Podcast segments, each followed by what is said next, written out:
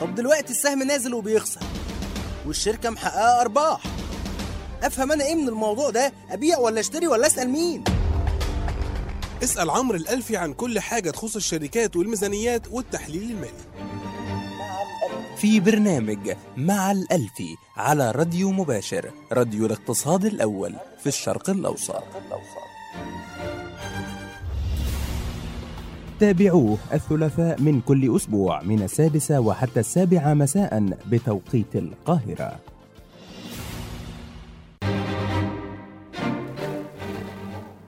بسم الله الرحمن الرحيم. السلام عليكم ورحمة الله وبركاته. وأهلا بيكم في حلقة جديدة من برنامج مع الألفي على راديو مباشر راديو الاقتصاد الأول في الشرق الأوسط.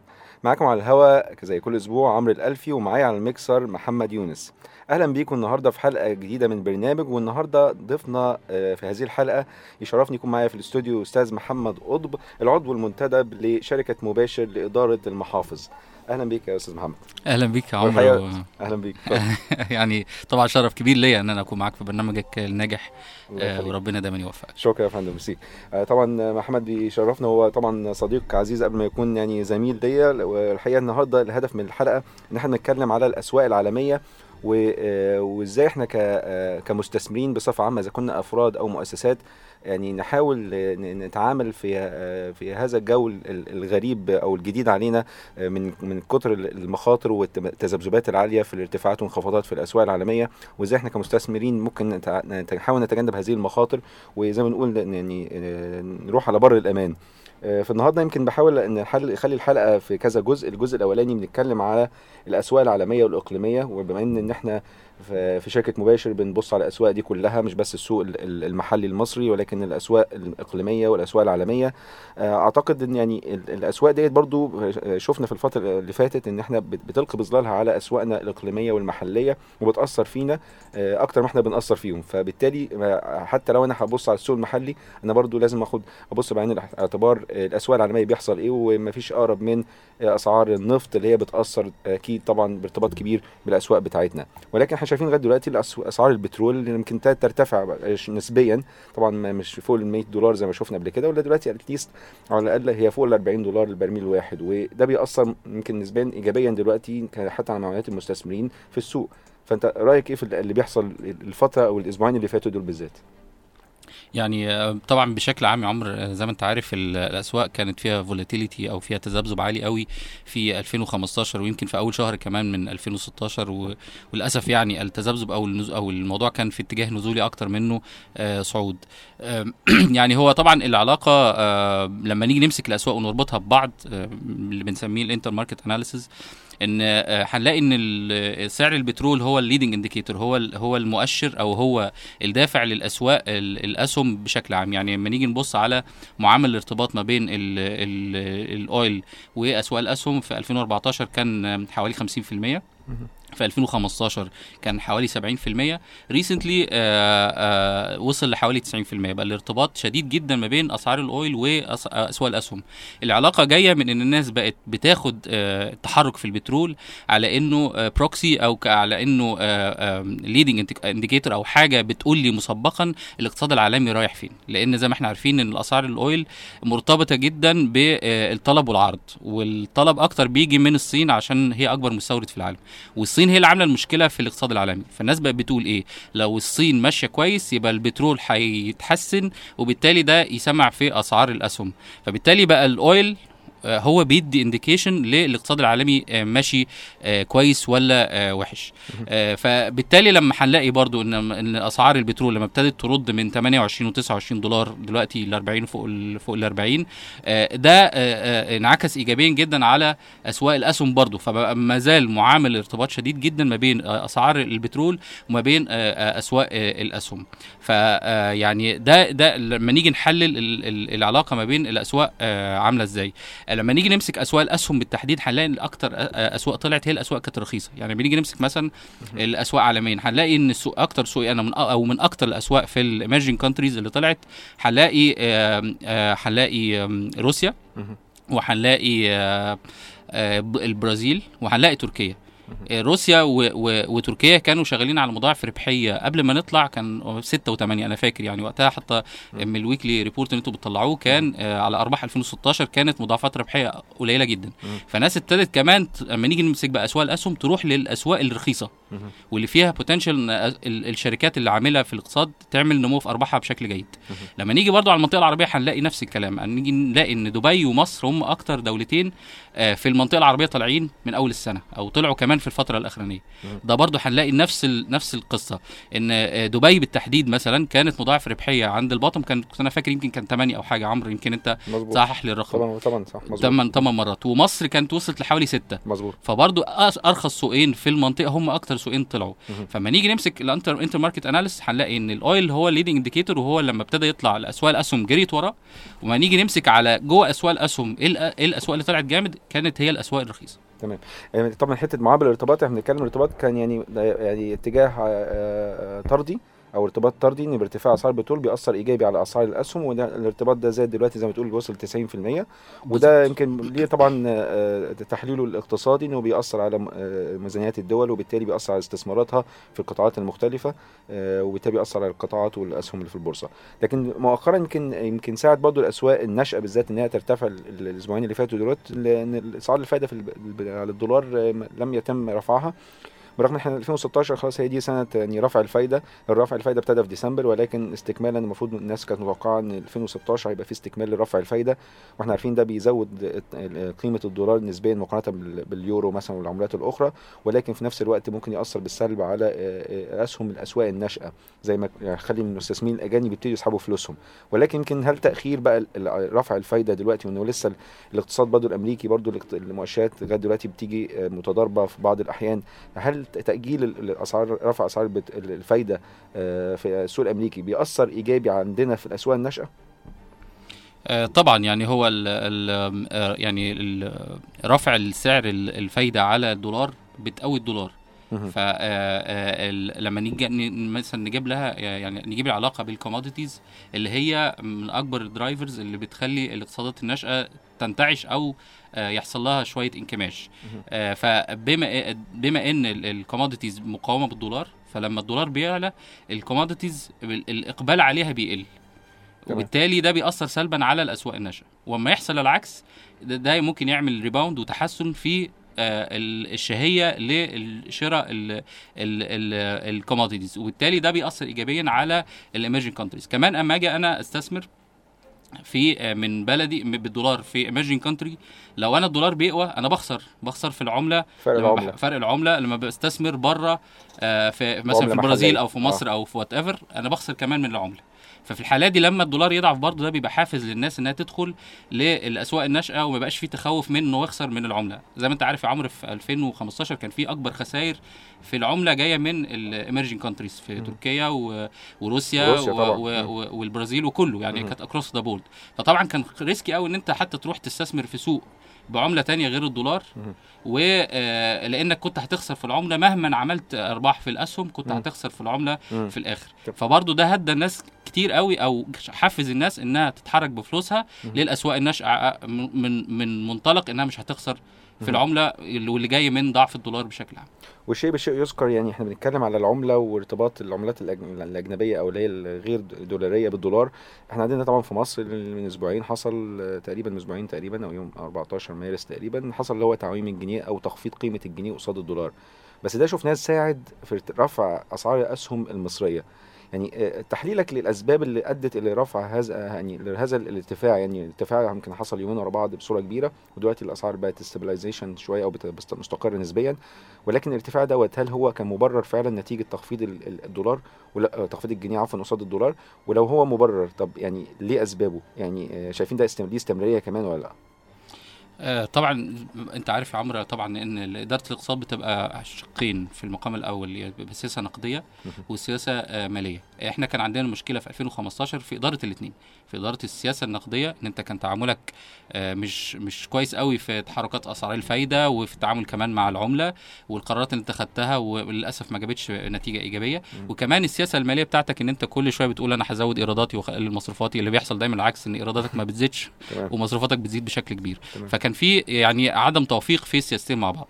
لأول مرة ابتدينا نشوف في الأسبوعين ثلاثة اللي فات أو يمكن الشهر اللي فات من ساعة ما ابتدينا نرفع حد الايداعات والسحوبات من البنوك ثم القرارات الأخرانية بتاعت إن أنت آه، آه، تعاملت بشكل واقعي إن أنت خفضت عملتك وده كان يعني ناس كتير قوي بتنادي بيه داخليا وخارجيا.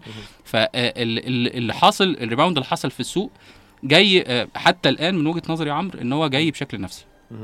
إن الناس ابتدت تشوف إن يبدو إن السياسة النقدية هيبقى ليها ملامح ويبدو إن المجلس التنسيقي مع البنك المركزي ابتدوا ياخدوا سياسات آه، يعني مرحب بيها على الأرض والناس بتنادي بيها بقالها كتير. وكمان لا- يعني ما أشبه الليلة بالبارحة 2003 كان في نفس السيناريو زي ما أنت ع- عمرو عارف طبعا آه. طلعت عليها report. بنفس المنطق إن الناس برضه في 2003 لما حصل نفس السيناريو ابتدى كان برضه السوق في حالة depression رهيب. أنا فاكر في قبليها قبل 2003 2002 كنا بنعمل 20 مليون جنيه في الجلسة. ما كانش في حاجة خالص بتحصل. يعني كنا بنروح زي ما بنروح زي ما بنرجع. أيوة. ف فبرضه كانت depression ال- كان نفس. حالة ال depression اللي في السوق والناس كانت معنوياتها في الأرض وحصل برضو نفس الفكرة دي إن ما كانش في أي حاجة في الاقتصاد اتحسنت. خالص بالعكس الأرقام كانت ما زالت وحشة ولكن ابتدى يبقى فيه الأمل الأمل إن يبدو إن السياسة تغيير. النقدية في في تغيير. تغيير في الفكر آه فأنا أعتقد إن إحنا ما زلنا في الوقت الحالي إحنا بس بنويلكم وبنبلس مم. فكرة إن يبدو إن الفكر آه، في السياسة النقدية هيمشي بشكل جيد ويا رب بقى يكمل للسياسة المالية ثم لإدارة الاقتصاد بشكل عام فال rebound rebound عبارة عن آه، rebound نفسي آمل في إن السياسة النقدية أو سياسة إدارة الاقتصاد بشكل عام هتمشي بشكل جيد آه، في الوقت الحالي given كمان زي ما أنت قلت إن إحنا كنا رخاص قوي. فالاثنين مع بعض خلوا يعمل خلوا في دفعة حصل. حصل ده زي ان أنت اسعارك بالد- بالدولار أنت لو قيمت اسعارك بالدولار دلوقتي أنت قيمتك أعلى ب 14% بالجنيه. فبالتالي الأسعار زادت تحت إحنا في التقرير اللي إحنا طلعناه برضو قلنا إن المؤشر ممكن يوصل 7400 ولغاية دلوقتي واقفين على اللي حتة حصل بالظبط. 7400 آه بس. الخوف إن ما يرجعش ينزل تاني لل 14% اللي طلعهم تاني يعني. طيب هنطلع فاصل بسيط ونرجع نتكلم مع محمد قطب يعني العضو منتدب أدب لشركة مباشر للمحافظ إدارة المحافظ. وعايز أسألك سؤال بعد الفاصل إيه اللي بيخليك قلقان قبل ما تنام؟ نطلع فاصل.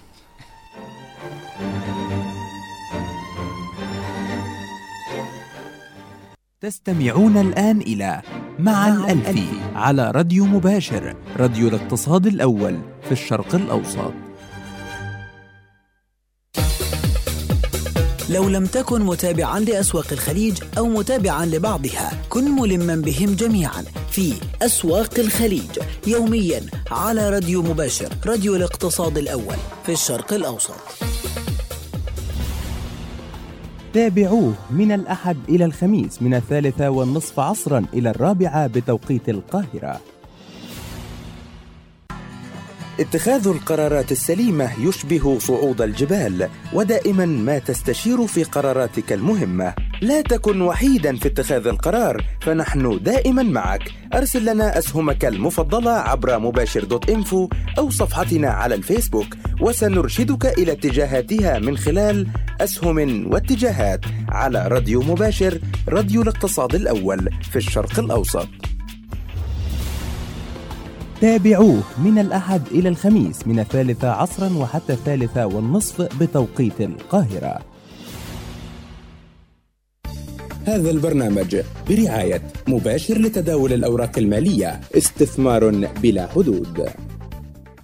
معالجة للمعلومات بشكل مختلف تقديم للفقرات بطريقة أسهل وجهة نظر مختلفة عين تعرف التاريخ وتحلله.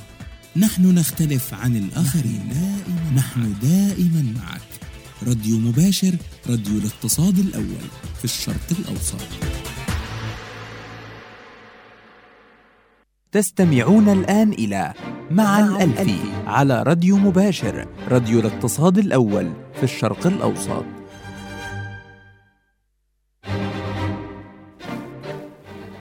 أهلا بيكم مرة تانية ولسه مكملين معاكم النهارده في حلقة خاصة مع ضيف آه، ضيفنا في الاستوديو الأستاذ محمد قطب العضو منتدب لشركة مباشر لإدارة المحافظ. وكنا بنسأله قبل الفاصل على الاسواق العالميه وعرجنا زي ما بنقول يعني على السوق المصري واتكلمنا على اللي حصل الفترة اللي فاتت وارتفاع الدولار في وإزاي ده ساعد على ارتفاع أسعار الأسهم المصرية. وسألتك قبل الفاصل يعني إيه اللي بيخليك تفكر كتير قبل ما تنام؟ يمكن بيقلقك بيخليك تقول آه الكلام ده أنا خايف منه يحصل تاني يوم أو إيه اللي ممكن أخده في اعتباري كمدير استثمار. يعني يعني أعتقد انك كمدير استثمار بيبقى عندك مؤشرات كتيرة بتبص عليها لأن خصوصا لما تيجي تبص على الأسواق العالمية كمان وقلنا الأسواق العالمية بتأثر عندنا في الاسواق المحلية حتى لو مش هتأثر النهارده هتأثر عاجلا ام اجلا يعني. يعني إيه الحاجات أنت بتخليك قلقان آه، كل يوم؟ يعني هو ال- ال- اللي بيقلق كل يوم يا عمرو هو كمدير استثمار إن أنت تحقق مصلحة العميل إن أنت العميل في الآخر يبقى فيه satisfaction بال أو رضا من العميل عن الخدمة اللي أنت بتقدمها له. وطبعا أنت في الآخر الخدمة اللي أنت بتقدمها له آه، آه، المقياس بتاعها آه، إن أنت بتبقى قعدت معاه وفهمت دماغه وبتشوف هو في الآخر إيه اللي إيه اللي يحقق له الرضا وإيه اللي والعكس ممكن يكون إزاي. فده بيبقى طبعا ده أهم حاجة بتؤرقنا إن أنت تحاول إن أنت تحسن له أداؤه وفي نفس الوقت تاخد في الاعتبار المخاطر الموجودة آه، حوالينا. فلو هو مستثمر محلي طبعا بيبقى عندي قرار على مستويين اللي هو الأسيت الوكيشن أنا هحط له قد إيه أسهم؟ لأن إحنا ما عندناش زي ما أنت عارف في مصر أكتر من الأسهم هو عائد ثابت. هم فئتين أصول يعني. هم في آه بالظبط فئتين من الأصول. فبيبقى آه، في آه، آه، يعني القرار بيبقى من شقين الشق الأولاني على ال asset allocation level أو على توزيع الأصول هوزع له أصوله إزاي؟ بما يتمشى مع رؤيتنا في السوق في المرحلة الجاية اللي تحقق له عائد آه، يعني جيد بالنسبة له يبقى حاسس بالرضا given أو واخدين في اعتبارنا آه، حجم المخاطر اللي ممكن تبقى الفترة اللي جاية. آه، آه، والعكس صحيح آه، ان يعني آه، لو إحنا مثلا شايفين السوق طالع فبنزود في الأسهم لو إحنا شايفين السوق هي- هي- هينزل شوية بنحاول نزود في العائد الثابت.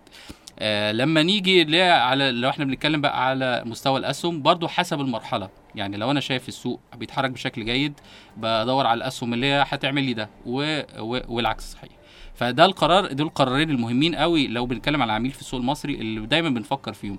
على مستوى توزيع الأصول بوزع له اصوله إزاي؟ بما يتمشى مع المرحلة الجاية وكمان الأسهم اللي هحط فيها آه، أو السكيورتيز يعني اللي هحط فيها آه، آه، فلوسه وتوزيعها هو ده أهم القرارين لو بنتكلم على حد على ال regional front لا بتدخل بقى في ال- ال- الأسواق. بتدخل بقى حسبة الأسواق كمان في في المعادلة إن أنت بتقول والله برضو فين الأسواق اللي إحنا شايفين انها تتحرك بشكل جيد وهتحقق مصلحة العميل في الفترة اللي جاية ودي اللي بنركز عليها والعكس صحيح. فيعني ده يمكن دايما التفكير اللي في في عقلية أي مدير استثمار إن هو إزاي يعمل حالة الرضا وحالة ال satisfaction عند العميل آه، آه، بتاعه. يبقى في يعني آه، ال- ال- المصلحه واحدة وإن مصلحة العميل هي من مصلحة مدير الاستثمار بالظبط. والهدف في الآخر هو الهدف إن المحافظة على رأس المال بتاع العميل بس هل العميل يختلف لما تيجي تتعامل مع مع العملاء تختلف تختلف من إذا كان هو عميل فرد أو عميل مؤسسي آه، يعني من حيث التعريف لا يا عمرو يعني أنا عميل عندي عميل مم. والعملاء كلهم عندي واحد اللي يفصل آه، في قراري تجاه عميل عن عميل تاني الحاجة اسمها اللي, انت أكيد عارفها ال investment policy statement مم. اللي هو قعدنا واتفقنا مع بعض مم. ان ده اللي هيحقق لي آه، رضا وده اللي حي... وده اللي ابعد عنه وده اللي آه، يعني انت بتقدر تفهم من عميل هو اهدافه الاستثمارية إيه آه. فأنا كل اللي يعنيني بالنسبة لعميل عن تاني في قراره آه، إن الهدف الاستثماري في عميل ممكن يكون عميل مؤسسة ويقول لك أنا عايز آه، فلوسي تنمو مم. وأنا aggressive وأنا قلبي جامد مم. خلاص أنت بناء على السياسة الاستثمارية اللي هو حطها من أول يوم مم. هتتعامل بهذا الشكل وممكن عميل فرد اللي هم دايما معروفين إن هم اجريسيف شوية. يقول لك لأ أنا راجل ديفensive وراجل آه، دفاعي مش عايز آه، أكسب كتير ممكن أكسب لي مثلا كل سنة 10% مش مش مش عايز أكتر من كده فممكن تروح اعمل له مثلا محفظة في أسهم بتدي لك عائد أو تعمل له محفظة عائد ثابت لأن أنت. عارف في مصر دلوقتي إحنا بناخد ممكن ممكن نطلع 10% مم. آه، كل سنة فهو اللي اللي بيحكم تعاملي مع أي عميل هو السياسة الاستثمارية اللي إحنا اتفقنا عليها من أول بس تعمل إيه لما يجي لك مستثمر فرد يقول لك أنا عايز عائد عالي ومخاطرة قليلة يعني حاجتين يعني صعبين إحنا عارفين إنه high high risk high return آه، يعني بناء على ال investment policy statement اللي إحنا حاطينها مش هينفع يعمل كده. لأن إحنا بنديله مجموعة من الأسئلة في الآخر بتحصره فكرة اللي أنت بتقول عليه يا عمرو. آه. ال high risk high return و vice versa. إنما ما فيش حاجة اسمها high return و low risk آه ففي الآخر هو بيخرج معايا ب... ب... لأن زي ما أنت عارف برضه عمرو إحنا بنحاول ن educate العميل مم. يعني في القعدة بتاعت ال... وإحنا بنعمل investment policy statement أنت تحاول وبين ت educate العميل أصلا السياسة. الاستثمارية يعني آه. بالظبط وإن أنت تديله اتفاق في الآخر بينك وبينه عقد اتفاق في الآخر آه. آه, بالظبط ولو على فكرة لو هو جه قال لي حاجة برضو أنا مش شايفها معقولة أنا أنا أنا هعتذر له. لأن أنا برضو مش هقدر أوعد بحاجة أنا م- علميا مش وزي ما شفنا موجود وثبت طبعا تاريخيا يمكن في قصص كتيرة في السوق بتاعنا إذا كان سوق المصري أو الأسواق العالمية حتى في أمريكا كمان لما حصل زي الراجل اللي هو اسمه مادوف وبرضه يعني كان بيعمل عائد ثابت آه، أو مش عايز ثابت عائد عالي جدا مقارنة باللي هو يقدر يتم تحقيقه في السوق. وزي ما بقول لك يعني too good to be true يعني رقم عالية جدا لدرجة مش قادر إن أنت لا ما ينفعش تبقى. حقيقية وتبقى منطقية. فيمكن من نصيحة أعتقد بالنسبة لل- للم- للمستثمرين الأفراد إن هو يعني يخلي باله من الحتة ديت إن هو اللي بيوعدك بعائد عالي جدا ممكن ومخاطرة قليلة دلوقتي ممكن المخاطره شايفها انت قليلة دلوقتي بس down the road ممكن يطلع ان في مشكلة كبيرة انت مش شايفها ويحصل انك ت lose أو تخسر كل رأس المال بتاعك وانت انت عارف يا عمرو يعني أنتوا في ال CFA عندكم. ال code of ethics من أحد ال code of ethics إن انت ما ينفعش توعد العميل مسبقا بعائد مم. آه آه تقول له هعمل لك النهارده 10 السنة دي 10% والسنة بعديه 15% مفيش حاجة اسمها كده تمام إنما في حاجة اسمها السياسة الاستثمارية ممكن تتوقع له مم. ممكن تجيب زي مثلا شركات التأمين يبقى في اكتواري يقول لك. والله given ال history كان بيدي لك كذا فأنا ممكن أتوقع لك الفترة بس كلها في إطار التوقعات. إنما إن أنت توعد عميل زي ما ال- الكيانات اللي أنت بتقول عليها دي. بتوعد عميل مسبقا بعائد حتى مش منطقي. طبعا دي تخوف أي حد وطبعا دي دعوة يعني ما حدش. الناس تتجنب الكلام ده طب بالنسبة للسوق المحلي إحنا اتكلمنا على asset allocation أنا أحط قد إيه أسهم أنا أحط على قد إيه عائد ثابت وجوه كل فئة من هذه الفئات الاصول بتشوف إيه ال security selection هتختار إيه الورقة المالية اللي هتختارها.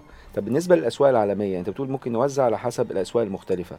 توزيع الأسواق المختلفة بتبص على إيه علشان تقول أنا أحط مثلا فلوسي في مصر أو أحط فلوسي في الإمارات أو أحط فلوسي في أمريكا؟ يعني أوزع التوزيع برضو. ال asset allocation بتبقى على مستوى ال- الأسواق. بتبص على إيه عشان تحدد هذه الأسواق؟ خلينا ناخد مثال يا عمرو. مثلا لو أنا عندي آه، آه، آه، MENA fund مثلا fund بيشتغل على مستوى ال MENA region. شمال أفريقيا والشرق شمال الأوسط. أفريقيا والشرق الأوسط. أنا في الحالة دي بيبقى عندي مؤشر. المؤشر ده بيبقى فيه أوزان آه، بلاد. وبيبقى فيه أوزان أسهم. فاللي إحنا إحنا بنروح ماشيين بالتدريج في الأول بنشوف ال- الأوزان ال ال أنا في هنقول إن أنا في الآخر هدفي إن أنا أ beat ال index ده أو أنا يبقى أدائي أحسن من هذا المؤشر. ففي الحالة دي بروح نازل يعني أو أو باخد خطوة مسبقة شوية. اللي هي بتاعة ال countries بشوف أوزان ال- الدول. وأحللها من جانب الاقتصاد الكلي. ثم أحلل اسواقها وفي الآخر باخد قرار. السوق السعودي overweight فيه يعني أزود فيه وزني عن وزن المؤشر ولا لأ؟ مصر أعمل كده أزود آه، وزني عن المؤشر ولا أقل ولا أقلل؟ بناء على مؤشرات الاقتصاد الكلي وكمان تحرك السوق أقدر آخد قرار على مستوى ال countries أو overweight حاجات معينة أزود وزني في دول معينة وأقلل وزني في دول تانية. ده على مستوى ال countries ثم انزل برضو في كل دولة أنا خلاص بقى عندي في كل دولة وزن مم. الوزن ده بقى انزل على مستوى الأسهم كمان اللي جوه كل دولة. وبرضو أختار overweight أو آه، أبقى اميل لل- للشركات أو الأسهم اللي هتحقق لي مصلحة أفضل. وهتحسن لي أدائي واقلل شوية ال exposure بتاعي أو دخولي في الشركات أو الأسهم اللي مش هتحقق المصلحة دي أو أنا مش شايف إن ادائها هيبقى كويس الفترة اللي جاية. برضه إحنا بناخدها على ال country level ثم ننزل على مستوى كمان الأسهم آه، جوه جوه كل آه، كل دولة. وفي الآخر على مستوى المحفظة كلها بقى بقول أنا هبقى مثلا 70% أسهم. هبقى 80% أسهم هبقى 50% أسهم. دي, بتبقى آخر مرحلة عشان أحدد ال- ال mix بتاعي ما بين الأسهم وما بين العائد الثابت طب لو بصينا دلوقتي على اللي بيحصل في الأسواق العالمية والاسواق المحلية.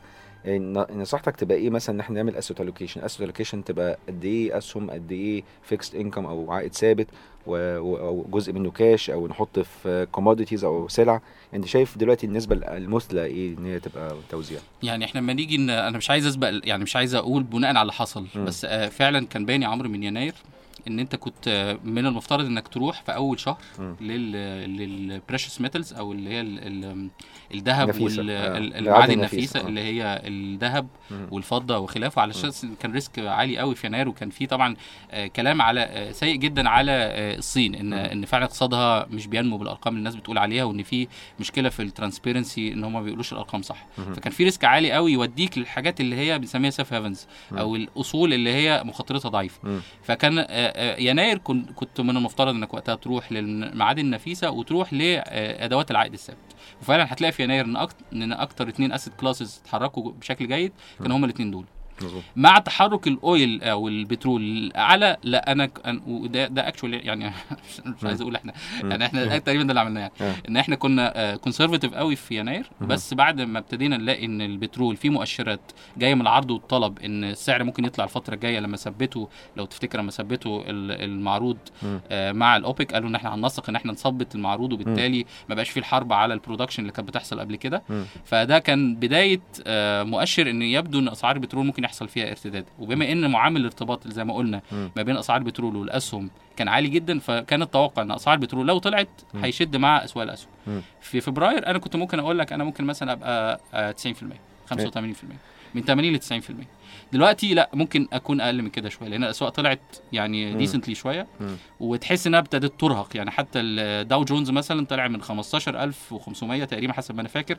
النهارده 17600 مم. في leg واحدة يعني لما تيجي تبص على ال graph هتلاقيها طالعة في leg واحدة كتير أو تحس إن برضو الأسواق يعني متشبعة شراء شوية ففي الوقت الحالي أنا ممكن أقول مثلا لو أنا اسهم ممكن أبقى 60% مثلا ولا حاجة يعني 60 تخفف 70 شوية دلوقتي عشان أخفف الطول- شوية الطلوع آه. دوت آه وأشوف بعد كده هل آه. فعلا الاسواق هتتضرب ضربه جامدة تاني ولا هناخد soft landing كده عشان مم. نكمل مم. برضو ده أنا ما أقدرش أقوله دلوقتي بس اللي أقدر أقوله إن الأسواق في الوقت الحالي اسواق الأسهم آه، متشبعة في الشراء شوية يمكن برضو تاكيدا لكلامك هو الذهب مثلا في يناير كان طالع تقريبا 5% وفي فبراير فوق ال 11 أو فوق ال 10% فكان فعلا ال- ال- ال- معادن النفيسة كانت يعني يمكن الملاذ الامن فعلا بس اللي كان هيفضل في معادن النفيسة حتى في مارس أعتقد كان هيخسر. فكان محتاجين في بداية مارس يبتدي الناس تخش على آه، أسهم آه، تقل شوية من من التوزيع لل- للمعادن النفيسة وتخش على الأسهم. لأن. زي ما انت بتقول برضو إن هو الارتفاع دوت انعكس أو ارتفاع البترول انعكس في في, في اسواقنا ويمكن دوت ال- العامل اللي إحنا ما بنعرفوش نحط ايدينا عليه اللي هو معنويات السوق. آه، هي معنويات السوق لما تبقى إيجابية يعني آه بترفع السوق بس الاستمرارية بتاعتها هي دي المشكلة. هل السوق ممكن يستمر فعلا ولا يعني هو خلاص يعني زي ما تقول نفسه خلاص إن- إن- انقطع فمش قادر يكمل بقى الارتفاعات. يعني إحنا شفنا الكلام دوت يمكن الإمارات السوق ال- ال- ال- في المنطقة بتاعتنا ناحية يعني نقول الناحية الشرقية يعني من ناحية ال GCC ومصر. كانت السوق يمكن الوحيد اللي كان طالع من أول السنة. وبعد كده دلوقتي السوق المصري ابتدى يبقى معاه برضو طالع من أول السنة. لسه السوق السعودي آه، بي- بيلاحق. لكن آه، وكان عندنا طبعا من ناحية شمال أفريقيا كان تونس. يعني بس تونس سوقها ضعيف شوية. لكن آه، الاستمرارية هل شايف إن في استمرارية؟ يعني ولا شايف إن النف- النفس دوت هناخد استراحة محارب زي ما بيقولوا. وبعد كده يعني السوق هيكمل تاني. يعني آه، أنا أنا اللي شايفه إن إحنا فعلا متشبعين شراء كأسواق أسواق أسهم وكمان حتى قد يكون برضو البترول شوية. اللي إحنا طالعين طلعة كبيرة. أعتقد إن من الأفضل إن إحنا ناخد زي ما أنت بتقول يا عمرو استراحة محارب. يعني لو أنت عايز تكمل تاني وعايز تطلع تاني محتاج برضو تاخد نفس تاني. لأن أنت آه، برضو ال ال هو إيه اللي حصل في الش- في الشهر اللي فات؟ هو حصل شوية تفاؤل إن هيحصل شو شوية balance ما بين العرض والطلب في ال- في البترول. بس ما زالت تحت نطاق التفاؤل. إنما fundamentally وأنت طبعا تقول لي يا عمرو ما فيش حاجة حصلت على الأرض. ما زال لسه ال supply ما زال العرض من النفط في العالم. أكتر من الطلب بحوالي 2 مليون برميل حسب حسب ما أنا قريت في, مظبوط. في آخر حاجة قريتها. فما زال fundamentally أو على أرض الواقع من أساسيات ال- ال- ال- التحليل يعني أو التحليل الأساسي ما فيش أي حاجة تانية اتغيرت. فهي هنعتبر هنعتبر ال- الطلعة دي كانت طلعة release شوية للنزلة العنيفة قوي اللي كان ممكن اللي كانت يمكن مبالغ فيها شوية. إنما عشان نكمل لا لازم نكمل على أسس fundamental لازم يكون في تغير في معدل العرض والطلب.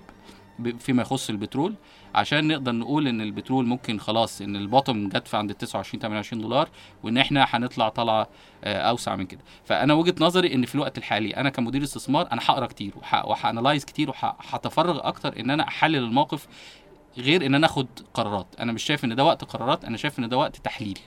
عشان تقدر تعرف الخطوة الجاية تاخدها إزاي. تمام. هنطلع فاصل بسيط ونرجع نكمل معانا مع ضيفنا أستاذ محمد قطب المدير ال- العضو منتدب لشركة مباشر لإدارة ال- المحافظ ونتكلم على نصائح للمستثمرين آه، آه، نصائح بقى لل- للفترة بقيه 2016 إن شاء الله إحنا 2016 ابتدى ببداية عنيفة في يناير آه، حاول نضم لنا جراحنا شوية في فبراير هل 2016 هينتهي بارتفاعات ولا انخفاضات؟ نطلع فاصل ونرجع نكمل مع ضيفنا.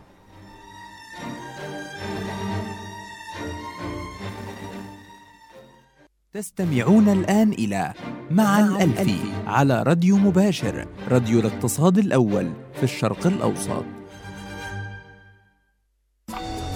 تصلك المعلومة أينما كنت. تسمعها لتتحرك نحللها لك لتقرر. أينما كنت تسمعنا لتتحرك وتقرر وتربح. راديو مباشر راديو الاقتصاد الأول في الشرق الأوسط.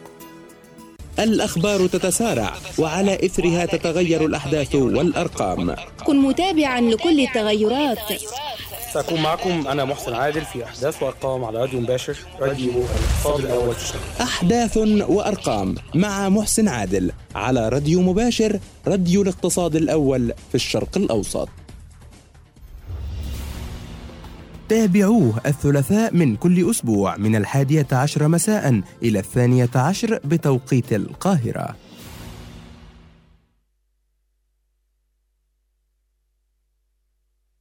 معالجة للمعلومات بشكل مختلف. تقديم للفقرات بطريقة أسهل. وجهة نظر مختلفة. عين تعرف التاريخ وتحلله. نحن نختلف عن الآخرين. دائما نحن دائما معك. راديو مباشر راديو الاقتصاد الأول في الشرق الأوسط. إن لزم الأمر أن تعلم فنحن معك. إن لزم الأمر أن تتعلم فنحن معك. إن لزم الأمر أن تبحث فنحن معك.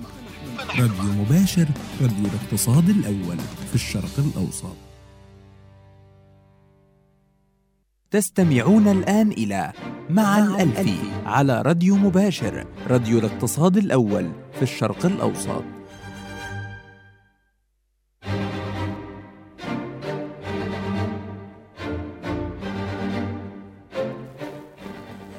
أهلا بيكم مرة تانية ولسه مكملين معاكم النهارده في البرنامج بتاعنا. معانا ضيفنا العزيز أستاذ محمد قطب العضو المنتدب لشركة مباشر لإدارة المحافظ. وبنتكلم على الأسهم العالمية والاستثمارات في برضو الأسواق المحلية وأدوات العائد الثابت. واتكلمنا على الدولار والبترول والذهب وحاجات كتيرة جدا.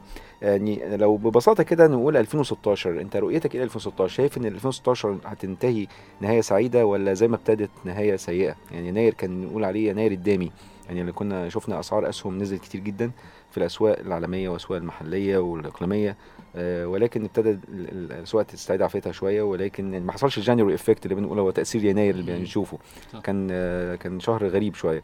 آه وفبراير جينا نفس نعدل شوية وفي مارس الحمد لله الدنيا اتحسنت نسبيا. فأنت شايف 2016 وإحنا داخلين برضو بعد كده داخلين على رمضان في المنطقة بتاعتنا وداخلين على الصيف وبعد كده آخر السنة.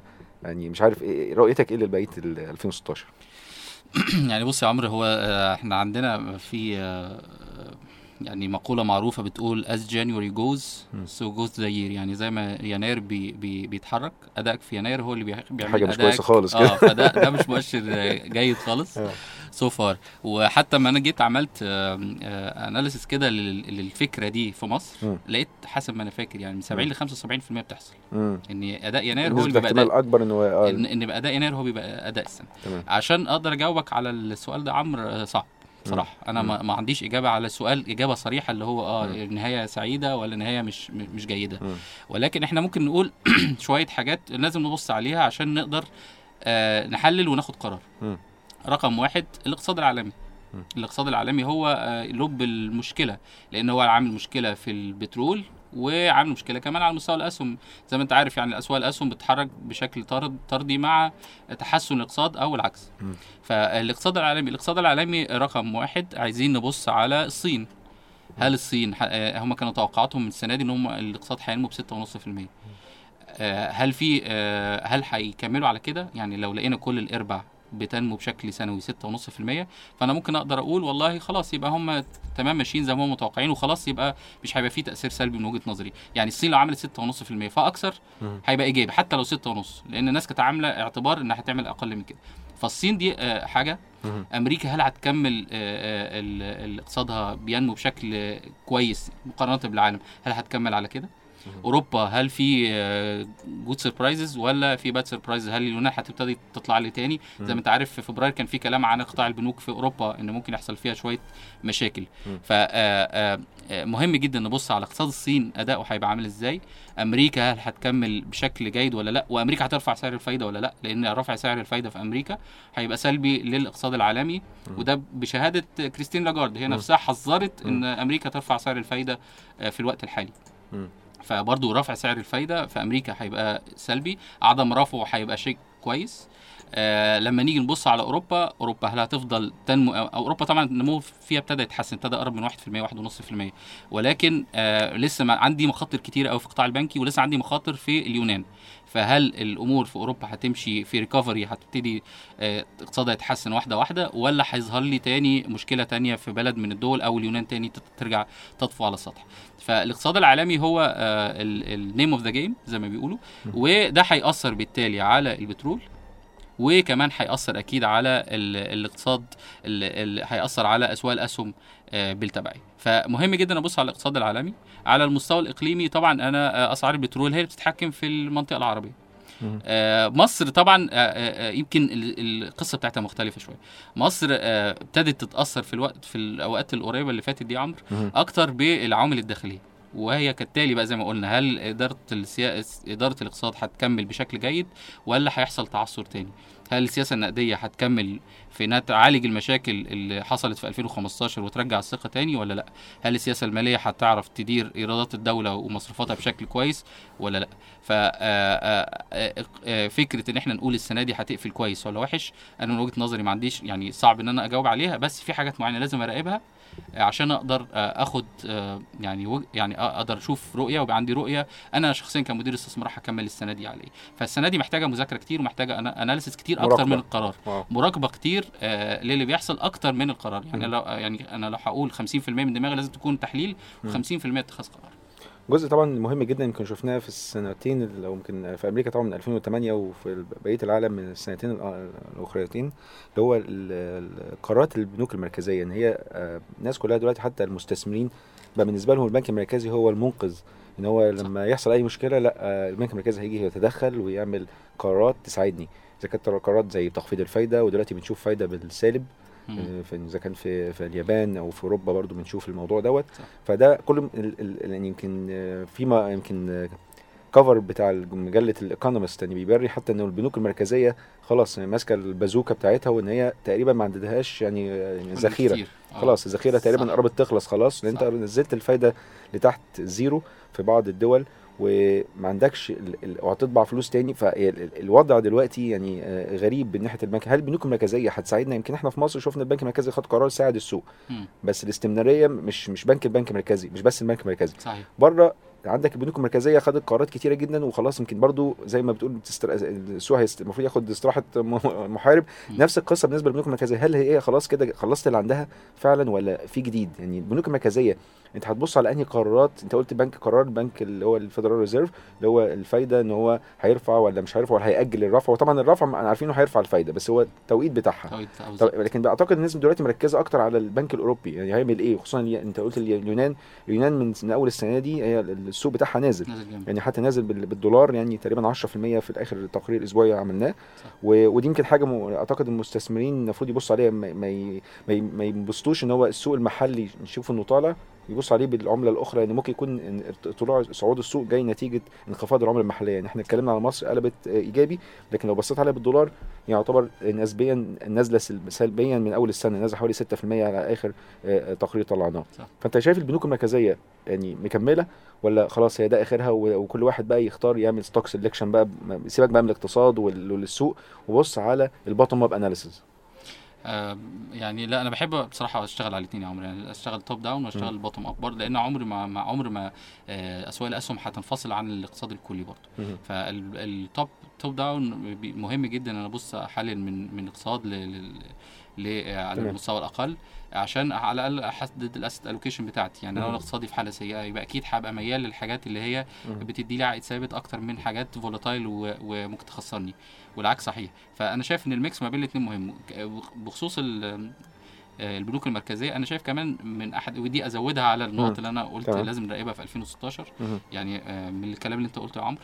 إن هل في تنسيق أصلا ما بين البنوك المركزية الكبرى في العالم في سياساتها مع بعض ولا إحنا دخلنا في حرب آه، بالظبط دخلنا في. حرب مع بعض صح. وكل واحد بقى بيحاول ي survive بغض النظر عن العالم اللي حواليه يعمل إيه واحد وهم اللي. علمونا آه. وعودونا في حاجة اسمها عولمه إن كل العالم بقى يعني آه، مكان واحد قرية صغيرة قرية صغيرة ف, ف آه، دي برضو أنا أعتقد حاجة مهمة. هل في تنسيق على ال G 20 الأخرانية؟ مم. كانت محبطة للناس. مم. خرجوا ببيان عادي جدا فاتر جدا. في حين الناس كانت مستنية إن يبقى في تنسيق قوي سياسات متقاربة بحيث تحقق الهدف الأكبر إن أنت الاقتصاد العالمي يتحرك بشكل جيد لأن مش هينفع في تخيلي يعني. أي دولة تشتغل لوحدها بغض النظر عن ال- ال- الدول التانية. فلازم يبقى في تنسيق تنسيق ما بين البنوك المركزية كلها في القرارات بتاعتها في 2016 وبكده تبقى خلصت حلقتنا النهارده. بشكر ضيف العزيز أستاذ محمد قطب العضو المنتدب لمباشر إدارة المحافظ على التشريف لينا في الاستوديو. شكرا جزيلا. ربنا يخليك. أهلا بيك. ونلتقي بيكم إن شاء الله في حلقة حلقة جديدة إن شاء الله من برنامجنا مع الألفي على راديو مباشر راديو الاقتصاد الأول في الشرق الأوسط. شكرا جزيلا. السلام عليكم.